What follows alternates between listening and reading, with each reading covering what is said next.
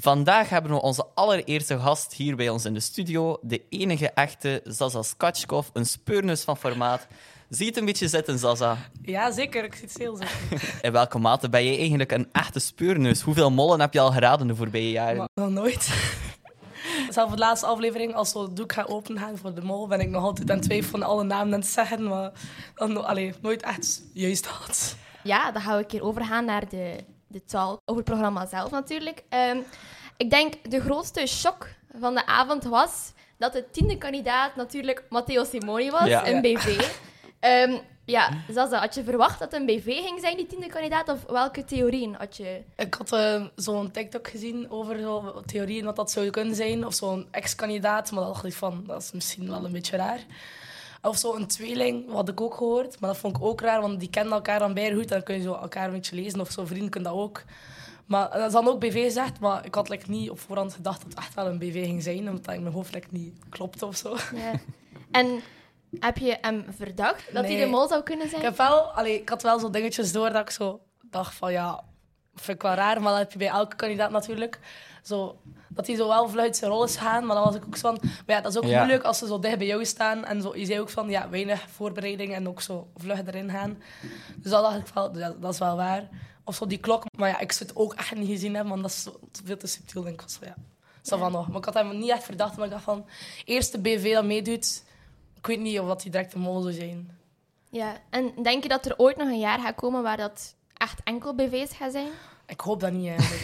Ik ook. Ik vond dat leuk dat er zo geen BV's waren, snap je? Ja. Ja, ik vond vooral de reactie van de anderen echt tof. En zo geëmotioneerd op het Ja. einde dat hij eruit lag. Ja, Maar, Maar ik, ik heb ook het gevoel gehad dat als hij eruit lag, dat mensen het erger vonden dan als een normale kandidaat eruit lag, omdat het een BV was. Ja, dat is wel normaal, denk ik. Ik was, echt, ik was er zelf niet bij bij de groep en ik was echt al helemaal starstruck dat hij daar opeens stond.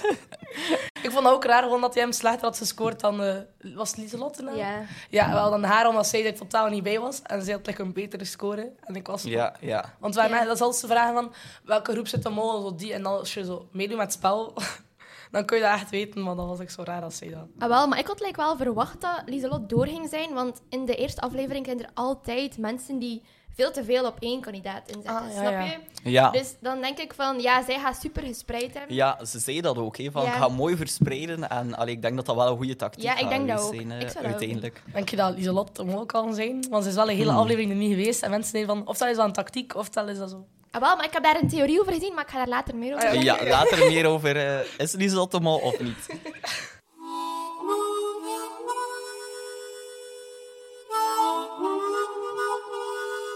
Misschien kunnen we een keer overgaan naar de bespreking van de proeven. Dus de eerste proef was dus direct al de kennismakingproef met de kandidaten. En daar moesten ze eigenlijk de tijd kunnen inschatten. Ik vroeg me eigenlijk af, Sasa, wat filter jou daar vooral in op? Er zijn niet echt dingen opgevallen die zo gemold zijn of zo, maar ik vond gewoon dingen raar. Van die Usain Bolt filmpje, waarom zou je daarop afstemmen dat dat voor, voor andere tijd te meten is? En die zandloper was wel ook, zandloper was wel echt bij de, Ja, dat was... zeggen Ja, louche, ja. gewoon bij de va. Ja, ja, Ja. ja. Like, als er zo'n klein beetje nog over is en je draait wel om, of van, je weet nooit wanneer dat, dat precies moet omgedraaid worden. hè. Ja, en heb je het gezien bij zo de, toen ze de quotes bij de juiste foto's moesten hangen? Ik heb eh, filmpjes gezien dat mensen zeiden van, ze heeft al like, veel te laat gezien dat daar een, een zo, hoe heet dat? Eh, een walkie-talkie. een walkie-talkie ja. was. Eh, en ook zo, ze waren aan het praten. Dat vond ik gewoon grappig.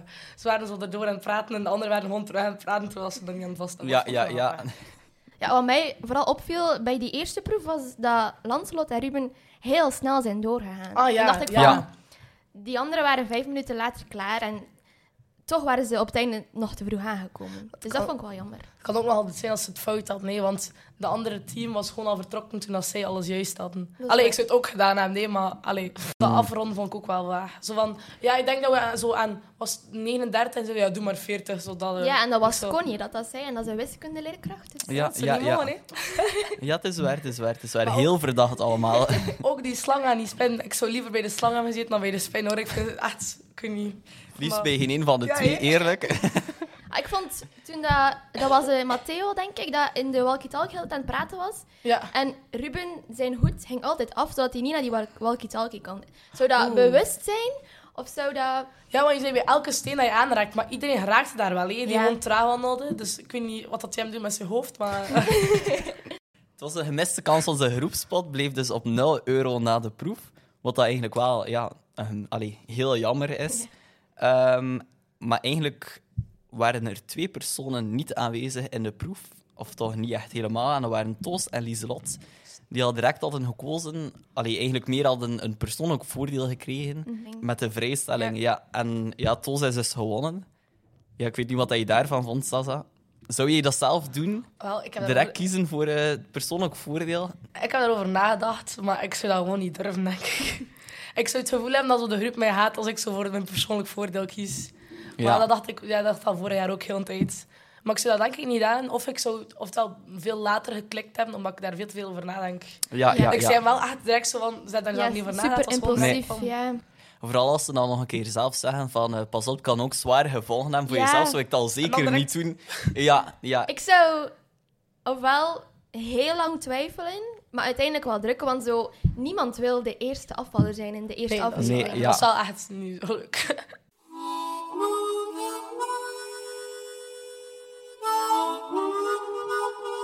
Proef 2, ik vond echt mijn favoriete proef. Dat Ja. was de line dance. Ah, ja. Ehm, ja, wat, wat viel ons daarin op? Ik zou als mol wel echt bij dansen zitten. Je kunt daar zo subtiele foutjes maken, want iedereen heeft fouten gemaakt. Hè. Dus dan valt dat niet echt op als hij als mol ook een foutje Nee, nee, maakt. het is rap gemaakt, zo'n simpel foutje. Vanaf, Ho. vanaf dat iemand in je team een foutje maakt, is ook zo'n held is al weg, dus je kunt dan zo nog eentje maken. De impact van als je bij de line dance een fout maakt, is wel veel kleiner dan Ja. bij de, Ja. het koord. Want bijvoorbeeld, Het is veel subtieler ook. ja, Ja. geloven jullie dat comfort er echt niet aankon aan, de, aan het varkentje? Ik geloof dat ook wel echt. Ik geloof dat ook echt. Ik, ik, allee, ik denk zelf dat ik er ehm, met veel moeite zou aangeraken. Zeker op zo'n hoogte. Ik zou denk ik zelf gewoon niet de moeite doen om er aan te geraken. Dus allee, ik geloof dat echt wel. En dat Toos dan zei, van, als hij geweest was als eerste, van oei, het ging goed, ik moest als laatste geweest zijn. Dat was ook wel verdacht, vond ik. Ja, maar ze waren zo... Allee, ik, ik zou dat zelf ook doen. Zo, je wil zo zeggen dat je daar goed in bent, maar als het dan daarna niet lukt, dan wil je ook niet zeggen van... Ik heb wel gezegd dat je er goed in bent. Dat is Dat waar. is bij, ja, maar ze bij- gaf het ook wel zelf aan dat ze dat niet zag zitten om als laatste Ja, en Ja. te gaan. ja. En toch hebben ze er niet echt op gereageerd. Terwijl dat er wel duidelijk grotere mensen in de groep zaten Mhm. dan haar. Dus ik vond dat wel een beetje ook wel verdacht, eerlijk. En je zag ook dat zij de kleinste was en dat dat wel hoog hang, Ja. ging, Ja, ging voor het eraf te halen. Inderdaad.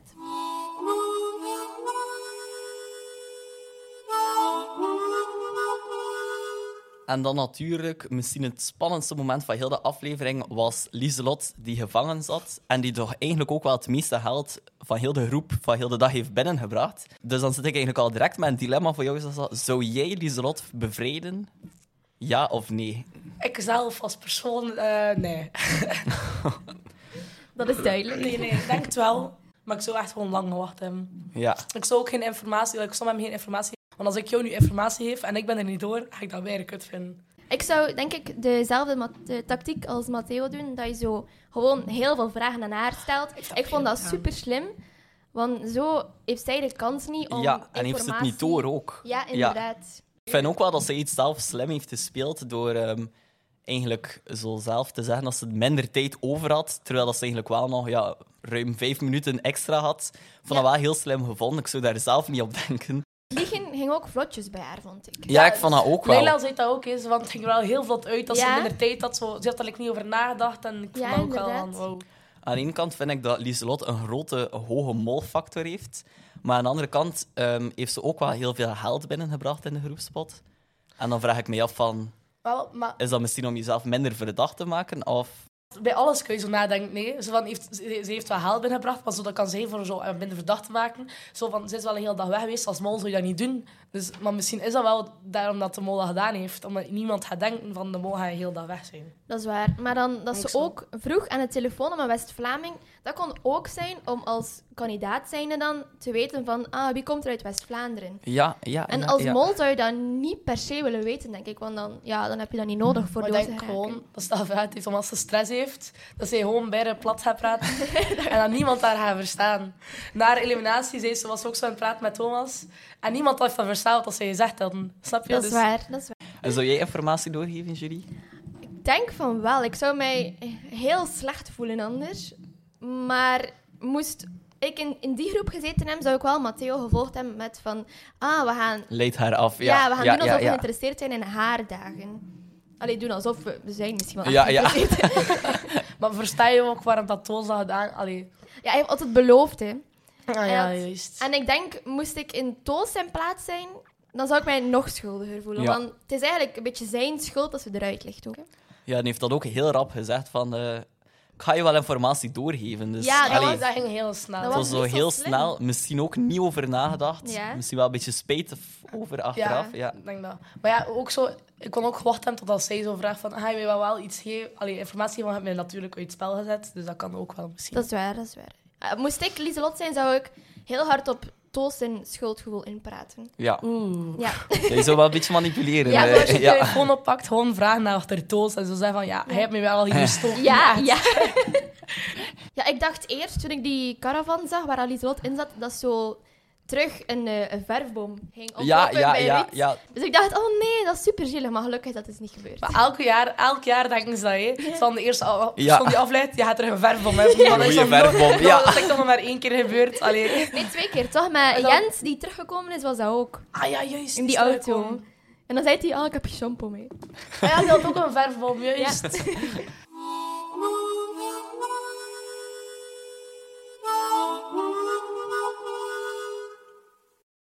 Jammer genoeg ontsnapt ook deze aflevering niet aan een eliminatie. Ja, dat was natuurlijk weer een mega spannend moment. Iedereen had dus verwacht, wij denk ik ook zelf, dat Lieselot ging geëlimineerd worden. Maar ja, dat was totaal niet het geval. Eh, Zoals dat we al zeiden, was Matteo jammer genoeg de afvaller van de eerste aflevering. Ja, ik denk dat we dat allemaal niet hadden zien aankomen onmiddellijk.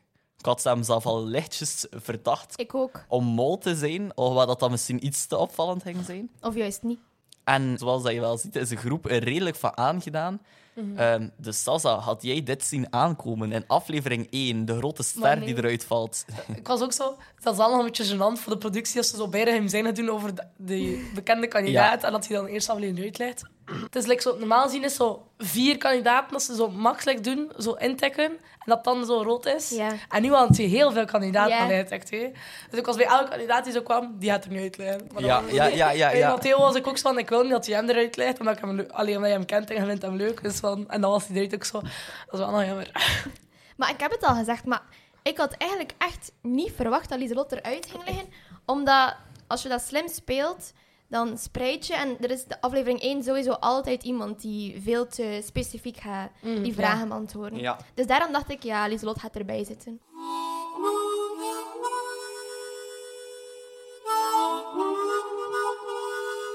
Ja, Zaza, we willen eigenlijk graag een keer testen of jij wel echt een grote fan bent van de Mol. Eh, je gaat zo meteen vijf vragen voorgeschoteld krijgen over dit seizoen van de Mol, maar ook over vorige seizoenen. Oh nee. Eh, ja, natuurlijk mogen de luisteraars ook meekiezen en eh, op ons Instagram laten weten hoeveel je had op vijf. Ben je er klaar voor? Nee, echt niet. Ik heb weer van stress nu. Oké, de eerste vraag. Iedereen weet natuurlijk dat Gilles de Koster de presentator is sinds 2016. Maar wie was het daarvoor? Oh my- Ik zou echt niet weten wie dat er daarvoor de presentator was. Het was eh, Michiel de Vlieger. Dat is. Vraag nummer 2. Hoe heet de kandidaat van dit seizoen die hier niet zo heel ver van in Kortrijk woont? Dat weet ik hoor. Want onder kinderen zitten in mijn scouts. Thomas. Correct. Welke kandidaat van dit seizoen is bang van kleine ruimtes? Oh. Naam. Ehm ik weet niet, bedoelt, had die bordjes ook ophangen, hè? Samja. Dat was juist. En eh, ze zat al ontdekt in de zonnebank. Sasa, we zitten nu aan het elfde seizoen van de Mol. Maar Kom. hoeveel mollen zijn er al bekend? Dan zou ik zeggen elf. Dat is juist. En als je nu als Juist. luisteraar denkt van... Huh? Er zijn er maar tien seizoenen geweest. Wel, vorig jaar waren er twee mollen, die we Ja. ondertussen ook al weten. En dan de laatste vraag. Hoeveel geld hebben ze de afgelopen aflevering gewonnen? Amai, ik heb echt niet opgelet of zo. Zo 500 en 900 40 was dat, denk ik. De 1440.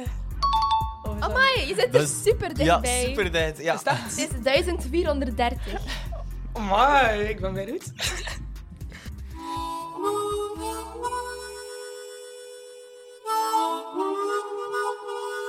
Dus zelfs al voor jou zie je daar een briefje liggen en ehm, elke kandidaat die hier bij ons, allee, elke gast die hier bij ons langskomt, moet zijn hoofdverdachte invullen. En ja, degene die er eigenlijk al vingerdik op zit in de aflevering op de mol, wint onze prijs, die we nu nog geheim houden. En ehm, je mag dat dan eigenlijk ook voorlezen, want ja, dat is eigenlijk de enige vraag die wij echt willen weten als luisteraar. Zaza, wie is jouw mol en waarom? Wel, dat ik het echt niet weet. maar het is wel de eerste aflevering en ik heb ook in het begin gezegd, ik weet dat nooit. Like, ik ga mee met andere mensen naar mening. Hè. Like zo, Café de Mol zijn ze, verdacht een Thomas.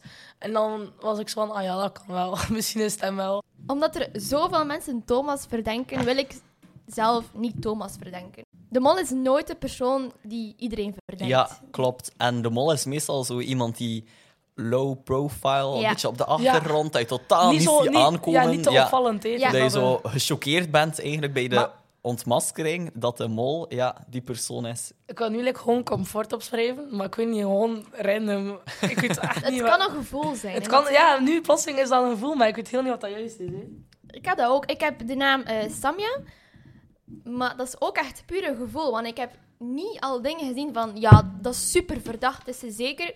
Maar gewoon zo wat kleine, subtiele dingen. Dat ze zo de groep... Ik vind wel dat ze veel invloed heeft op de groep ook. Dus dan denk ik van... hmm, de mol moet veel invloed hebben op de groep. En wie denk jij, Mathies? Ehm, goh, ik vind het eigenlijk super moeilijk. Ehm, ik heb eigenlijk zelf ook nog nooit op de mol gezeten. Eh allee, echt de mol geraden. Ik dacht dus eigenlijk eerst, helemaal in het begin van de aflevering, van ja, Matteo is sowieso de mol dit jaar. Ik maar dacht ja, dat ook. dat kan nu natuurlijk niet meer. Ehm, dus ja, dan dacht ik eerder aan Lieselot. Alhoewel Toch? dat dat dan misschien er te dik op ligt. Dus ja, nee, ik vind het echt moeilijk. Ik vind het echt moeilijk.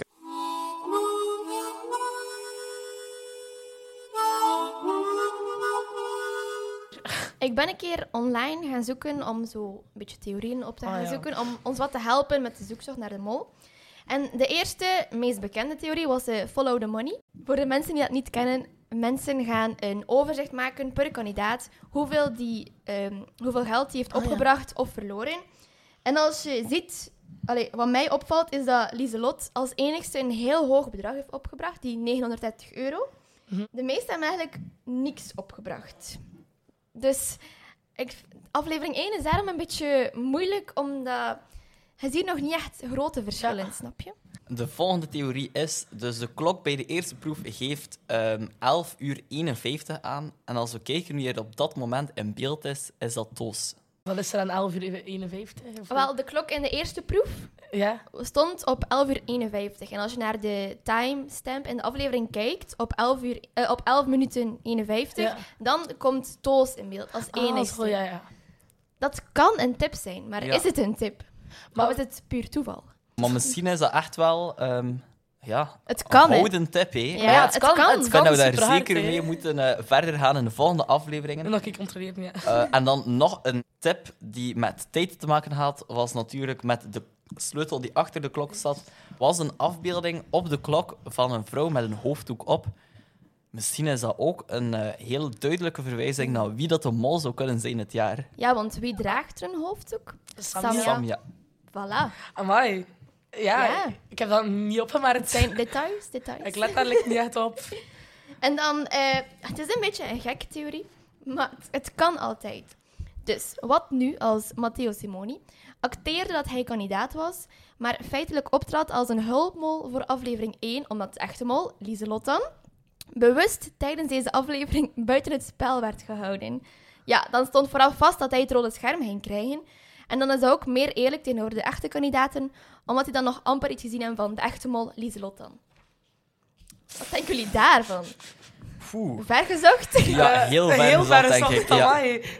Mensen denken net altijd dat de zotste dingen... Allee, het is zo... Ja, ja, ja, ik denk niet dat de productie zo ver is geweest, of to- anders zou het toch compleet gestoord zijn. Ja, ja, Eh. De mol kan gestoord zijn. ja, het is waar. het, Ja, we mogen eigenlijk van niets verschieten. Dus eigenlijk, deze theorie kan. kan. Ja, dat is juist. ik denk dat. Niet, hoor.